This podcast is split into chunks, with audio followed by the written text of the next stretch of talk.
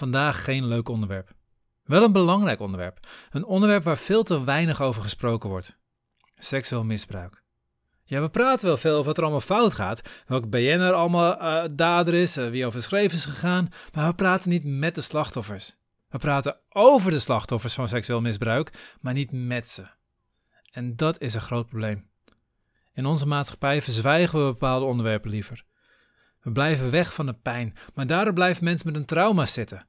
En elk trauma wat niet verwerkt wordt, geef je continu door aan de mensen om je heen, aan de volgende generatie. Willen we generationeel trauma oplossen? Willen we ervoor zorgen dat onze kinderen geen last hebben van die shit waar wij mee rondlopen?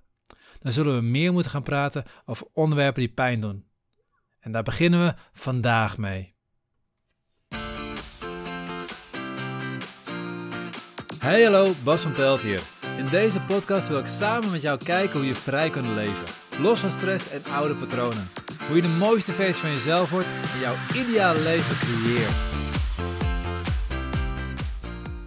In deze video wat minder licht onderwerp, minder vrolijk onderwerp. Wel een belangrijk onderwerp. Want we moeten er meer over praten.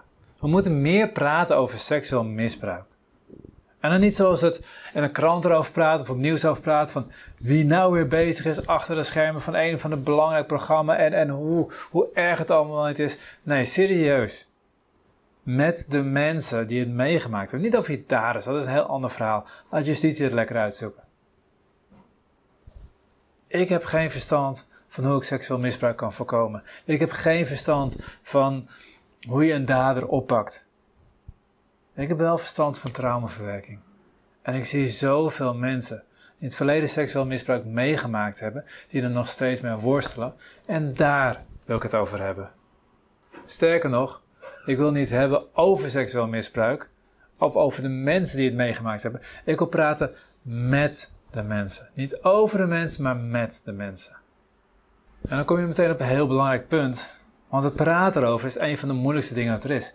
En eigenlijk is daar misschien wel het grootste trauma.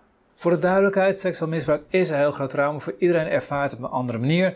De ene ervaart dat als een groter, de ander ervaart de dingen die eromheen zitten als grote trauma. Wat ik heel veel merk bij cliënten, en wat ik ook van andere experts hoor, is dat vaak als je echt met cliënten aan de gang gaat om te kijken van welke trauma zit er, hoe kun je vanaf komen, dat de grootste trauma niet eens het misbruik zelf is, wat al een heel groot trauma is, maar wat er vervolgens gebeurt.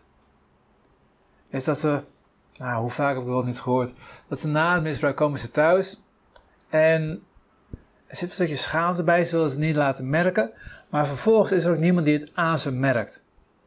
Er wordt niet over gepraat, ze voelen niet, niet veilig genoeg om erover te praten. Dus je hebt een heftig misbruik gehad en vervolgens mis je de veiligheid thuis om er echt, om het te verwerken, om het een, een, een ruimte te geven, om het los te kunnen laten, om eruit te kunnen gooien, of überhaupt om gewoon steun te kunnen krijgen. En dat is soms nog veel groter trauma. Moet je je voorstellen wat het betekent voor iemand als hij het gevoel heeft niet over te kunnen praten. En er zitten allemaal redenen achter. Een deel daarvan is ook gewoon biologisch hoe we in elkaar zitten. Op het moment dat iets heel heftigs gebeurt, bij wijze van spreken door een sabeltandtijger aangevallen worden, dan hebben we drie mogelijke reacties. Een vechtreactie, een vluchtreactie en een bevriesreactie. Het probleem van seksueel misbruik is dat vaak die vluchtreactie is geen optie laatste keer dat ik iemand daarvoor hoorde vertellen over zijn eigen misbruik, wat hij meegemaakt heeft, was hij opgesloten in een badkamer. Er is geen vluchtoptie. Dus dat systeem wordt uitgezet. Daar gaat geen energie naartoe. Dan heb je nog de, de vechtreactie en de bevriesreactie. Maar vechten, helemaal als het als kind overkomt, is geen optie. En vaak ook als je als volwassene bent. Want je weet niet wat die ander gaat doen als je gaat tegenstribbelen, als je gaat vechten. Wat kan je nog veel meer overkomen? En dat is een onbewust proces. Maar dat houdt ook die vechtreactie tegen. Dus dat systeem wordt ook uitgezet. Dus het enige wat je overhoudt is een bevriesreactie. En dan vervolgens komt er een stuk schaamte in zitten van ja, ik heb het laten gebeuren. Nee, je hebt een fysieke reactie gehad. En die fysieke reactie heeft geprobeerd jou te beschermen. Want vechten ging niet lukken, vluchten ging niet lukken. Dat was de enige optie die je nog over had. Maar dan zit je vaak vast. En dat is bizar, want ik heb regelmatig met, met cliënten, dan gaan we terug naar van hé, hey, wat, wat, wat uh, heb je ervaren? Hoe voelde het? Wat voel je nu erbij? En dan gaan we steeds dieper kijken, steeds lager pellen, pellen, pellen. Op een gegeven bij de kern. En vaak zijn ze niet eens zo heel erg boos op die dader. Ja, tuurlijk zit er ook bij. Absoluut. Maar vaak zijn ze nog veel bozer op hun moeder, hun vader, een vriend, wie dan ook, omdat die er niet voor ze was. Dat is vaak een veel groter stuk dat die het niet zag aan ze, dat die het niet door had van ze. Het zit vaak veel minder weg dan bij echt het misbruik zelf. Nogmaals, het is per persoon verschillend. Ik wil niemand het gevoel geven dat, dat ik aan, aan jouw gevoel voorbij ga. Dit is een heftig onderwerp. En ik wil er graag over spreken, want het is moeilijk voor veel mensen over te spreken. Het is voor mij ook moeilijk want, om de juiste toon te raken. Om te zorgen dat ik iedereen die hier naar deze video kijkt, recht aandoe. Want er zijn mensen waarbij het misbruik zelf het grootste trauma was.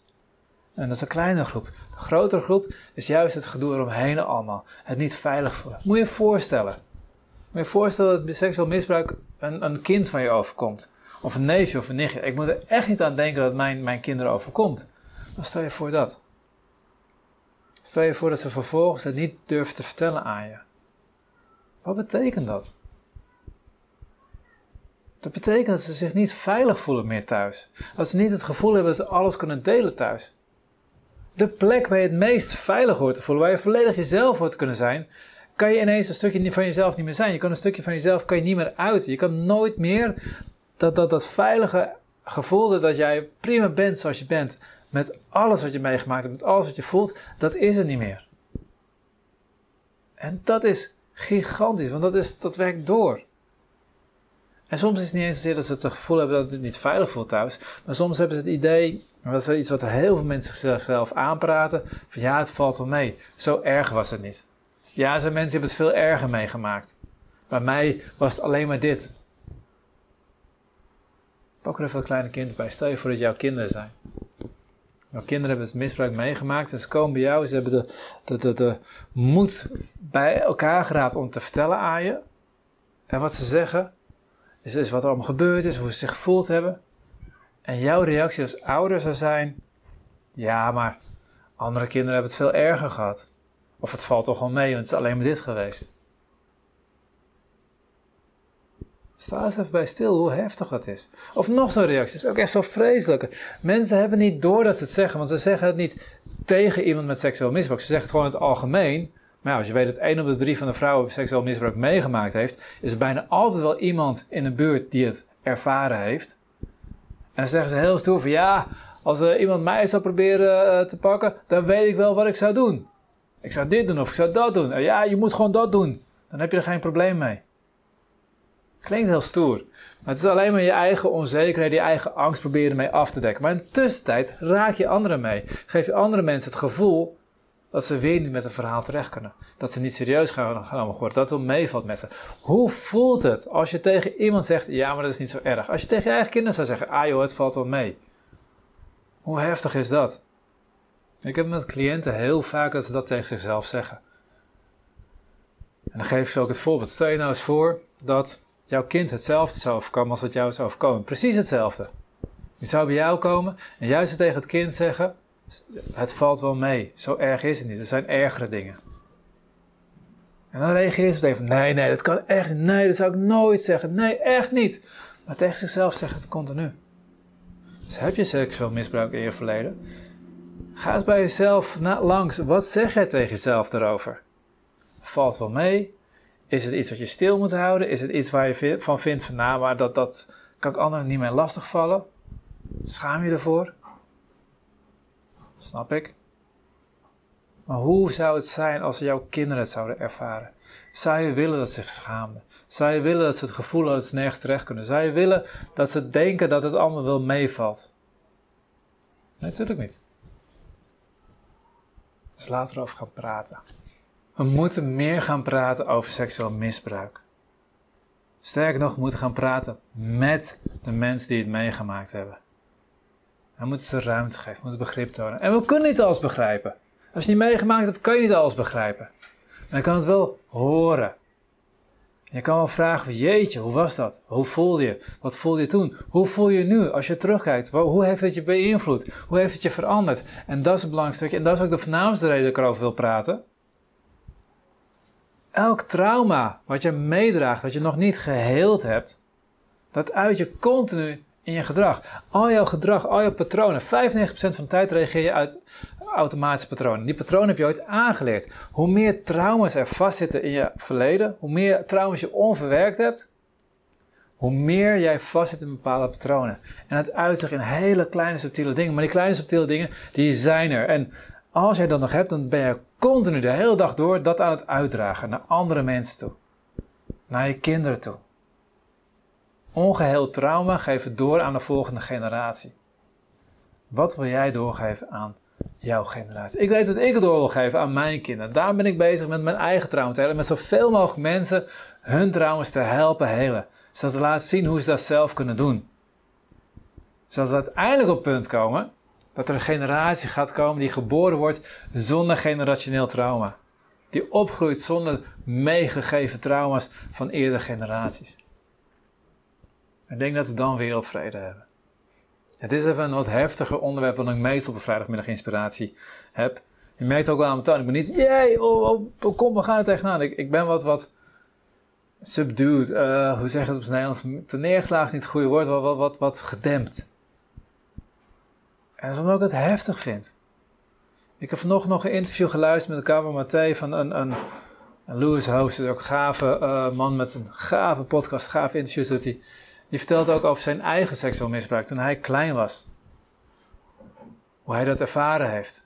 Hoe hij 25 jaar lang dat weggestopt heeft. Er eigenlijk elke dag wel aan dacht, maar nooit over gepraat heeft. Met niemand. Elke dag was er wel een moment dat hij er eventjes aan dacht. Elke dag beïnvloedde het zijn leven, maar nooit heeft hij het geuit. Er zijn veel meer mensen die daarmee rondlopen, die op die manier rondlopen. Heel, heel veel meer mensen. Ik wil graag dat daar openheid voor creëren. Dat we een stukje ruimte daarvoor gaan maken. Dat we erover gaan praten, dat we met ze gaan praten. Dat we naar die pijn toe gaan in een veilige omgeving waarin het prima is dat je die pijn ervaren hebt. Waar we niet gaan zeggen wat je zou moeten doen of wat je had, had moeten doen, maar we gaan zeggen van jeetje, zo, hoe heeft het je beïnvloed? Hoe voelde je je toen? Hoe voel je je nu? Wat kan ik doen om jou te ondersteunen zodat jij je nu beter kan voelen? Die vragen wil ik stellen. En ik hoop dat die allemaal willen stellen. Het is even wat heftigere video, maar hij is belangrijk. Het is belangrijk voor ons en voor de generatie die na ons komen.